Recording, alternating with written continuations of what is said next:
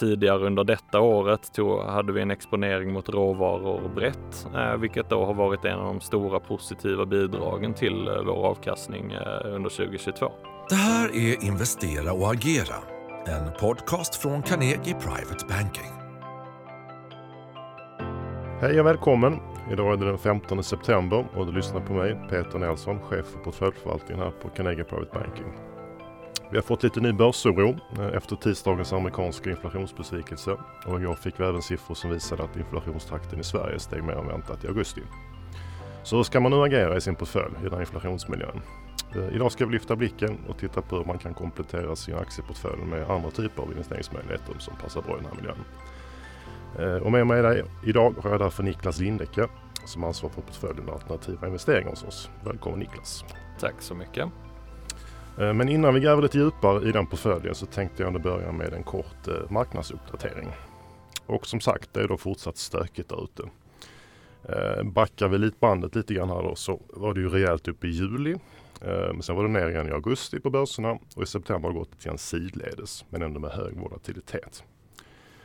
Och man kan säga att det är samma saker som tidigare som spökar. Det är inflationen som är hög. Eh, det är räntorna som är på väg uppåt igen. Eh, konjunkturen som ser ut att tappa fart. Och sen har vi dessutom den stora energifrågan som, som ligger i bakgrunden. Eh, tar vi det här med inflation då, som är aktuellt den här veckan så kom det siffror i USA som visar att KPI är upp 8,3 procent i årstakt. Det är väldigt högt. Eh, och i Sverige kom det siffror igår på hela 9. Det är faktiskt den högsta siffran sedan juli 1991. Så det, det är liksom ovanliga tal vi ser verkligen här. Eh, så det är uppenbart att inflationen är inget som är snabbt övergående. Eh, även om vi ändå tror att vi börjar vara ganska nära toppen. Men det visade på behovet av att det kommer komma mer räntehöjningar från centralbankerna. Och närmast i tur är väl ett antal 75 punkters höjningar från olika centralbanker inklusive Riksbanken. Ehm, även långa räntor har stigit här senaste tiden. Eh, och det är ju normalt sett något som börsen ju inte gillar. Eh, avgörande framåt kommer vara hur snabbt inflationen faller tillbaks igen. Eh, än så länge är centralbankerna väldigt tydliga i sin kommunikation att de behöver göra mer på, på, på räntehöjningssidan. Och det är möjligt också så att det kanske behövs en recession för att kyla av ekonomin och därmed få ner inflationen. Det är väl lite grann det som, som, som står på spel just nu. Um, vi har ju kommit en, en bit på väg här eh, vad gäller eh, just recessionsscenariot. Eh, Konjunktursignalerna pekar lite grann neråt. Ehm, så att man kan säga att konsumenten ser ju svag ut. Det, det är mycket som går, åt fel håll ur konsumentens perspektiv. Företagen Eh, de är fortfarande lite mer positiva, ser en bättre, ett bättre scenario framför oss. Samtidigt ska vi komma ihåg att det har kommit en hel del vinstvarningar för ett antal bolag på, eh, på sistone. Mest är det konsumentrelaterade bolag. I Sverige har till exempel Electrolux och Thule och Mips eh, varit ute och pratat om, om sämre tider. Även Essity ser ut att ha det jobbigt. Hennes Mauritz kan vi också nämna som kommer med, med siffror idag. Och byggbranschen har det också jobbigt. Så att tillväxtprognoser skrivs just nu ner. Och sen har vi även då en energifråga som jag nämnde som framförallt påverkar Europa. Eh, och där har vi en stor osäkerhet inför hösten och vintern hur den kommer att slå. Det ligger lite som en våt filt också över marknaden just nu. Eh, på bolagsnivå så innebär detta också att vinstprognoserna behöver skrivas ner och det kommer nog ske de kommande månaderna. Det har börjat lite grann men vi tror att det finns mer att vänta här. Eh, om cirka en månad kommer även då Q3-rapporten, eller börjar de att komma. Där kommer vi att få nya signaler från, från företagen. Så sammantaget är det en tuff miljö. Vi tycker att man fortfarande då ska eh, hålla en viss försiktighet i den här marknaden. Samtidigt ska jag komma ihåg då att, att investerare är redan väldigt pessimistiska. Många har redan dragit ner på risk eh, och börsen vänder ju alltid när det ser som mörkast ut. Så man ska vara försiktig att bli för negativ här också då. Eh, det som också är lite grann positivt är att råvarupriser har börjat falla tillbaka lite grann från väldigt höga nivåer. Och sen har vi fortsatt en ganska stark arbetsmarknad. Det är också något som kan, kan verka lite grann åt det positiva hållet. Men vi har liksom tidigare under året då vi har fortsatt en undervikt eh, mot aktier i våra portföljer. Det har vi tills vidare i varje fall. Vi letar lite bättre tillfällen att komma in i aktiemarknaden igen. Vi är neutrala mot räntebärande. Normalt sett är ju räntebärande ett bra skydd i portföljerna men det har varit lite sämre i år med tanke på att då räntor har stigit och att även kreditspreadar har, har eh, vidgats. Men där vi då har övervikt, det är alternativa investeringar som vi då tror står emot lite bättre i de här tiderna. Och det har även visat sig eh, än så länge under, under året. Um, och det leder oss då över på, på just frågan om alternativa investeringar. Och om man egentligen börjar med den, den första frågan då, eh, Niklas, hur skulle du beskriva alternativa investeringar? Ja, eh, men alternativa investeringar, begreppet i sig, eh, fångar väl in allt som inte är eh, traditionella aktier eller räntor. Eh, vår fond eh, däremot, eh, Carnegie Alternativa Investeringar, eh, kan jag nog enklast beskriva som en slags eh, multistrategifond med eh, fokus på alternativa sätt att skapa avkastning på. Syftet med detta är väl egentligen att kunna generera en defensiv avkastning som inte samvarierar för mycket med de traditionella marknaderna för att kunna diversifiera en bred investeringsportfölj. Vad skulle du säga om risken då? då? Vad, vad är risken här? Ja men den är ju ganska spridd då vi i huvudsak inte tar aktier, kredit eller någon durationsrisk i en traditionell mening i alla fall. Eh, eh, vårt mål med förvaltningen är att eh, sammantaget kunna generera ungefär 3-5% i avkastning till en sharp-kvot på 1. Så det betyder väl egentligen att risken ska ligga på ungefär 3-5% per år. Men om vi omsätter det här lite mer konkret. Eh, om man tänker sig nedgångar, hur stora nedgångar kan man som investerare förvänta sig eh, under perioden när det går dåligt i en sån här portfölj? Ja, nu har vi ju haft, eh, ja, kanske inte kallar det förmånen, men eh, vi har haft lite tillfällen att, att trycktesta den här portföljen. och vårt största nedställ hade vi under mars 2020 när vi var ner lite mer än 3% som mest på årsbasis. Eh, vilket ändå eh, kan vara helt okej okay sett till hur det gick för bland annat aktier men eh, i synnerhet för de andra defensiva tillgångsklasserna.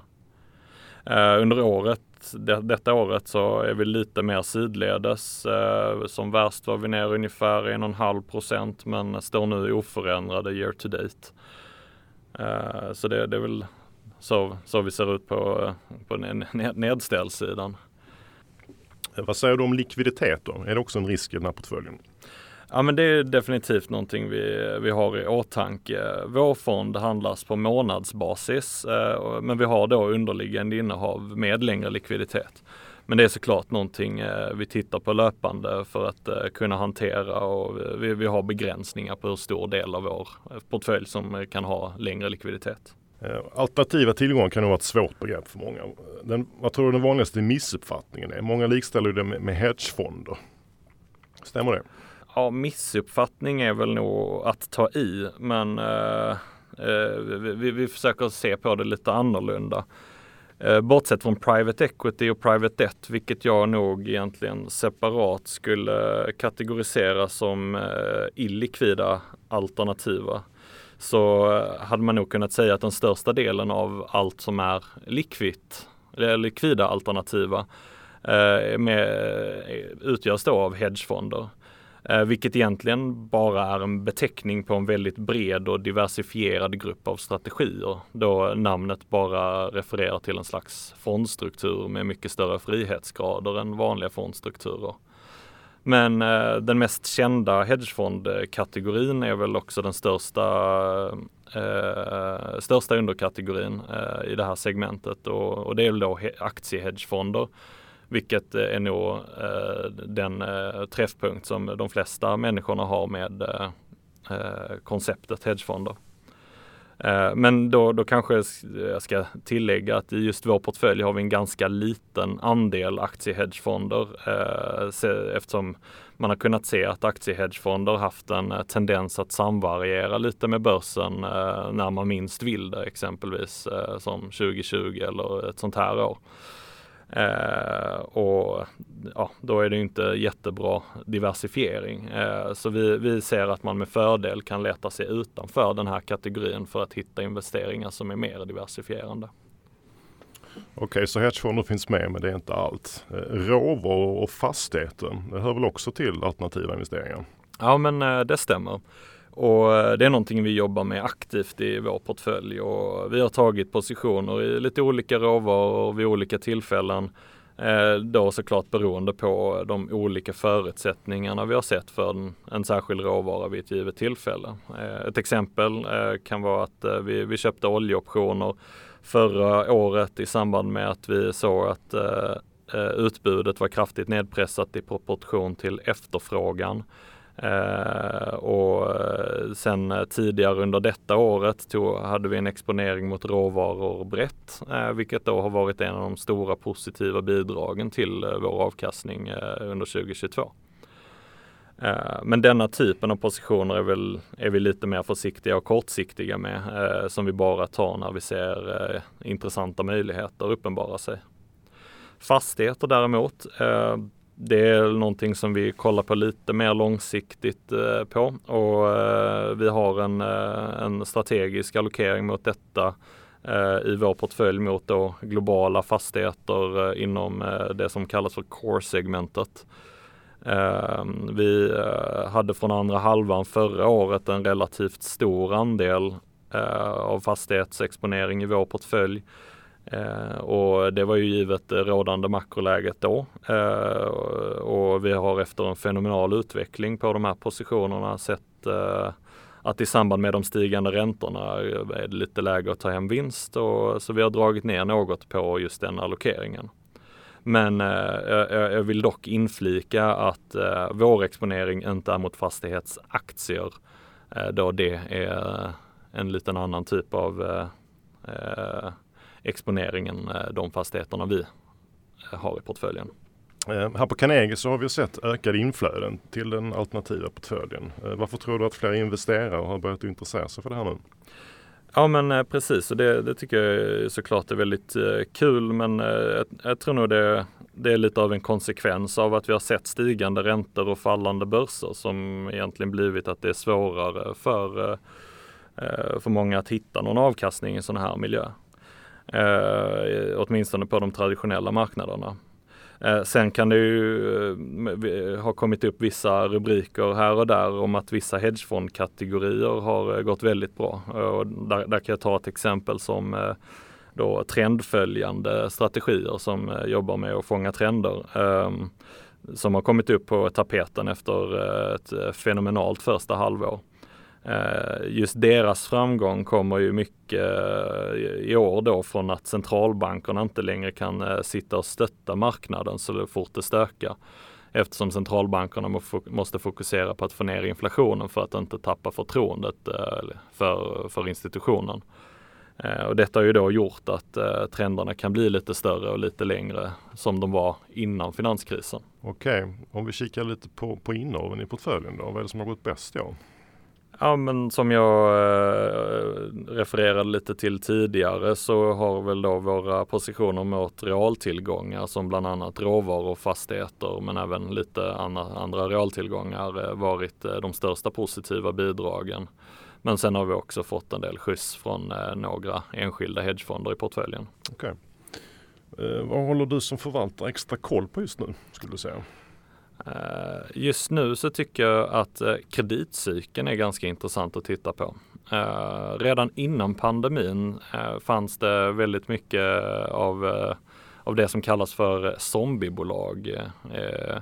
Och detta var ju en trend som accelererades ganska mycket av pandemin då många bolag tog på sig väldigt mycket lån eh, eftersom läget var, var som det var med väldigt låga räntor och till synes övergående makroekonomiska utmaningar.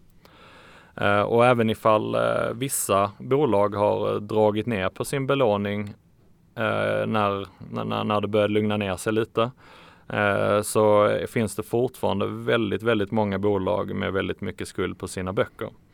Eh, och i samband med då nu stigande räntor och svårare finansiellt klimat så eh, kommer den skulden då att bli mycket eh, svårare att hantera. Och väldigt mycket av den skulden som togs in 2020 kommer ju börja löpa ut nu de kommande åren.